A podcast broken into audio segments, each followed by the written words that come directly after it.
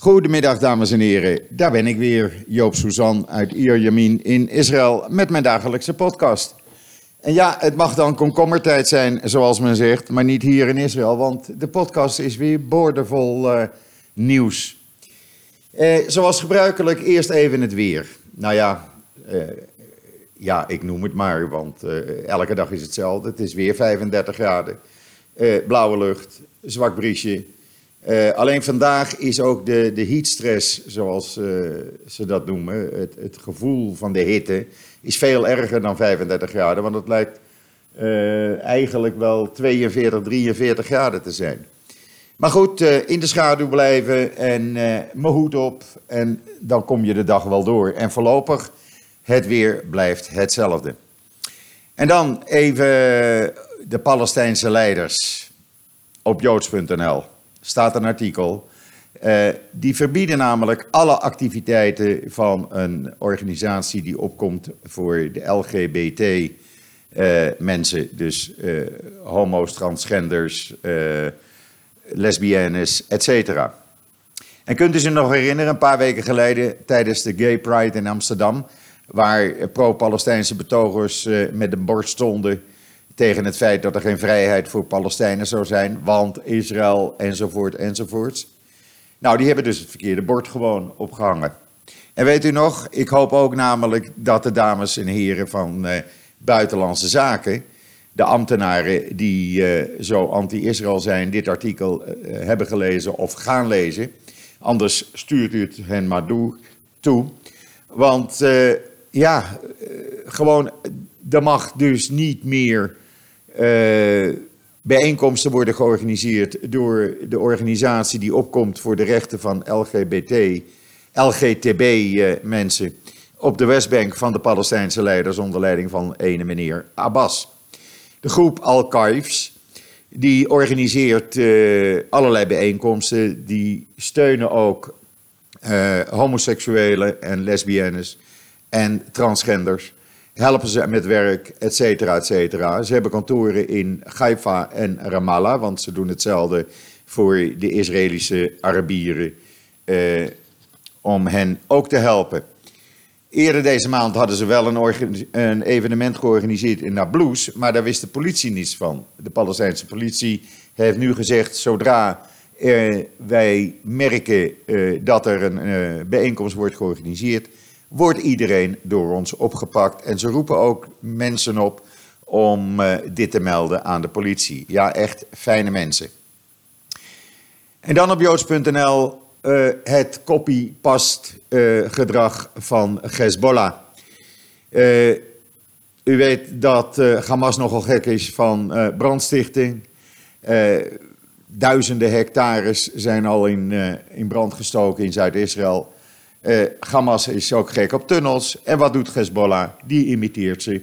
Die heeft dus ook, uh, dat weet u, een, uh, een tijd geleden tunnels gebouwd die Israël vernietigd heeft. Er zijn er waarschijnlijk nog een paar die Israël niet hebben gezien. Maar ze zijn nu ook begonnen met fikkie steken. Jawel, ze hebben gisteren een veld aan de grens tussen Israël en Zuid-Libanon in de fik gestoken. En die brand door de wind, het was een noordwestenwind, breidde zich snel uit naar de Israëlische kant van de grens.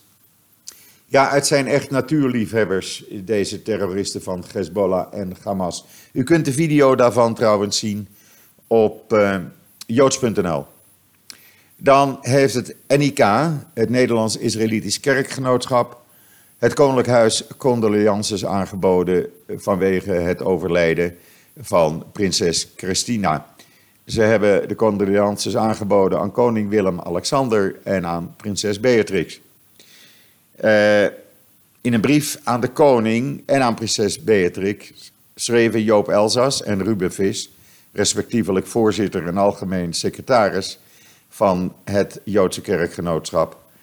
Uh, ze schreven in die brief: Mogen nu zij het aardse leven heeft verlaten, van toepassing zijn de woorden van de psalmdichter, want hij zal aangaande u zijn engelen gebieden, dat zij u behoeden op al uw wegen. Dat is Psalm 91, 11. U kunt het, uh, het, de hele brief lezen op joods.nl. Dan uh, onze vriend, uh, en hij is echt een vriend van joods.nl en wij mogen regelmatig, en hebben dat al gedaan, en zullen in de toekomst nog vaker doen, video's uh, van hem plaatsen. Onze vriend Naftali Hania, die heeft een hele goede video gemaakt over de waarheid over het bezoek, het gecancelde bezoek van Ilhan Omar en Rashida Tlaib. Ik raad u aan, ga die video even bekijken op joods.nl. Ook op joods.nl, een hele mooie video. Ik ben er zelf al een aantal keren geweest in het verleden. De druipsteengrotten van Sorek. Sorek is halverwege de weg Jeruzalem-Tel Aviv of Tel Aviv-Jeruzalem. Op de kruising eh, eigenlijk bij Sorek. En daar is een natuurgebied waar je de grotten in kan gaan. Er staan borden, bent u in de buurt. Zou u het absoluut moeten doen. En die druipsteengrotten, ja, dat, dat water dat druppelt daar al tienduizenden jaren. En dat heeft fantastische uh, effecten gemaakt. Echt bijzonder. U kunt het op de video zien.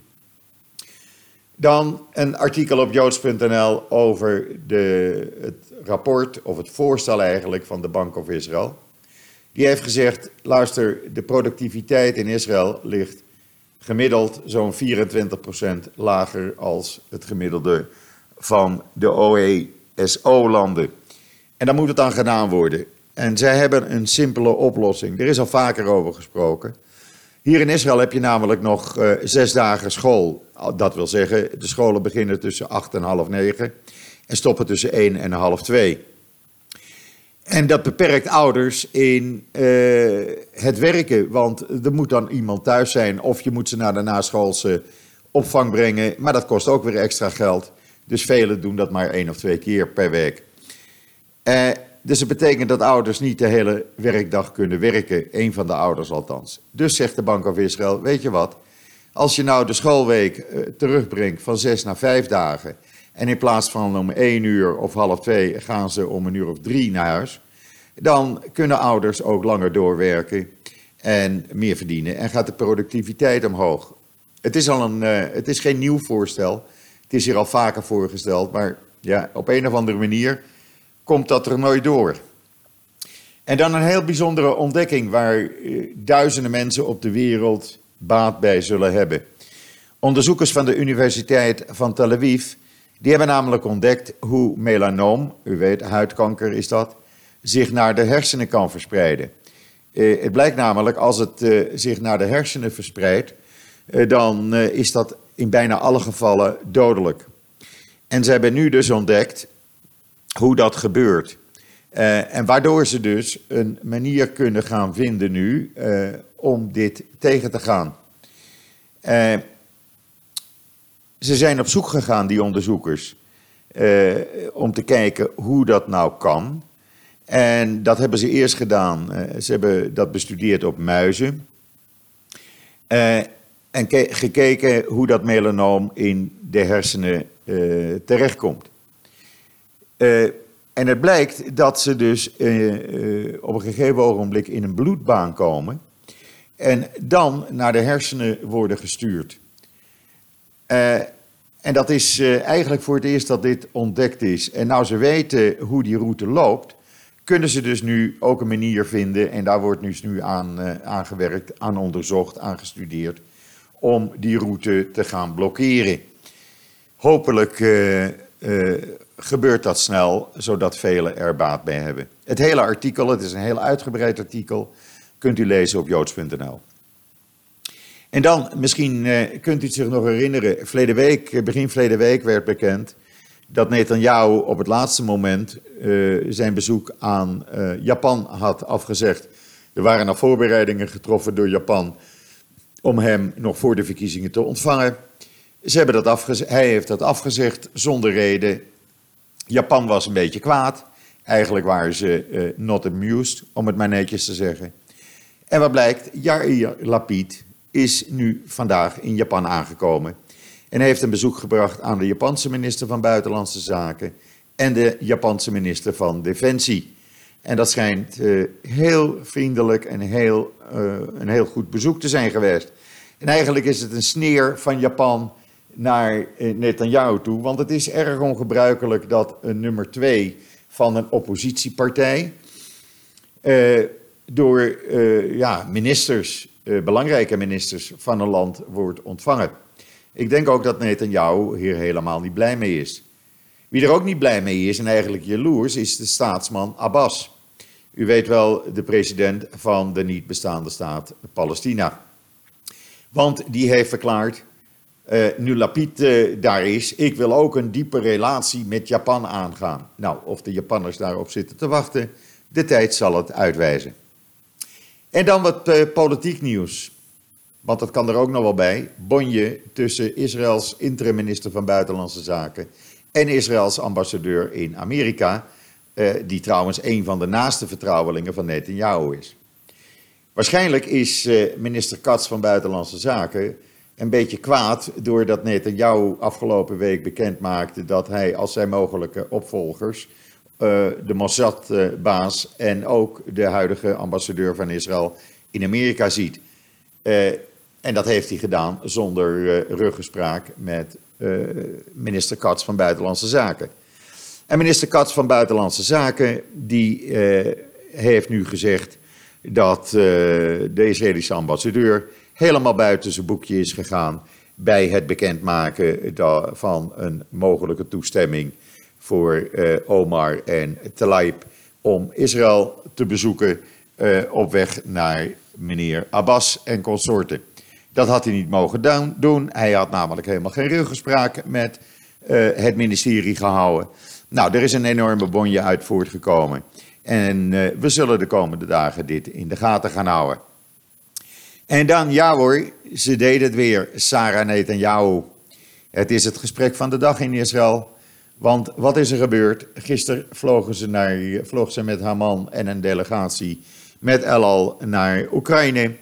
Ze gingen eh, in het toestel zitten en uh, na het opstijgen heette de piloot Netanyahu van harte welkom en wenste hem een plezierige vlucht.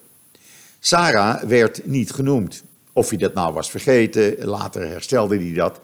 Uh, maar zij was pisnijdig. Echt, ze was helemaal over de rode. Ze stond op van de stoel en wilde de cockpit inrennen.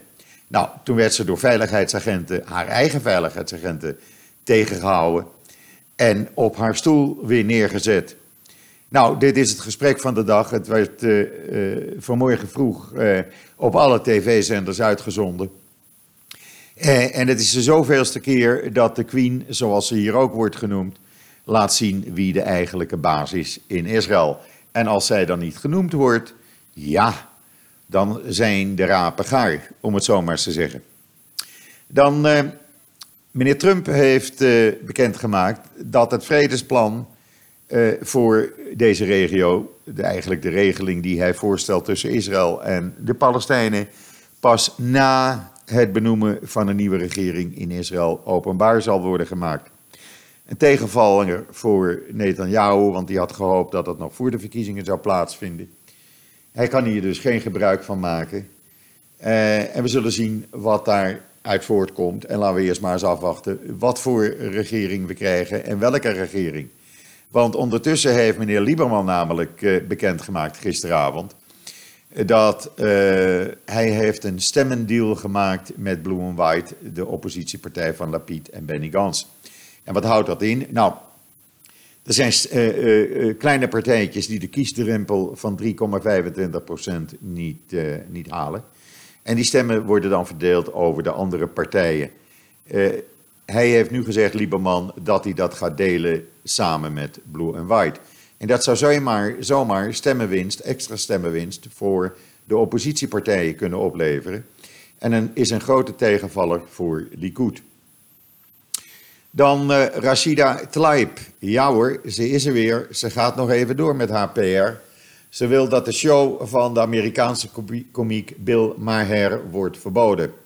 Die mag niet meer uitgezonden worden, vindt ze in Amerika.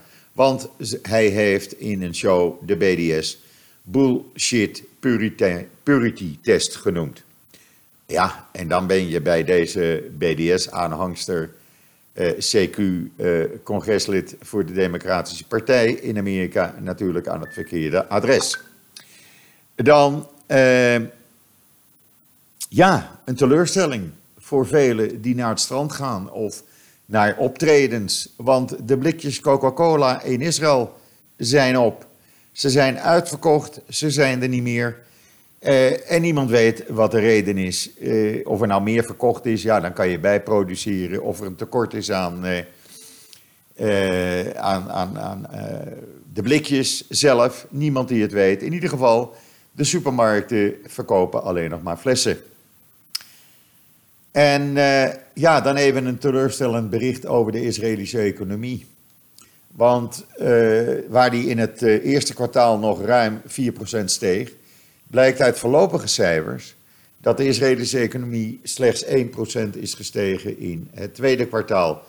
Dat is een domper. Daar had niemand op gerekend. Men had toch minstens op 3% gerekend. Uh, aan de andere kant betekent het dat de shekel, die nu erg sterk is, iets in waarde gaat verliezen. Waardoor de export, de mensen die afhankelijk zijn van export hier in Israël, uh, ja, weer uh, kunnen gaan exporteren. Want ja, door die hoge shekelprijs kregen ze veel minder voor hun producten.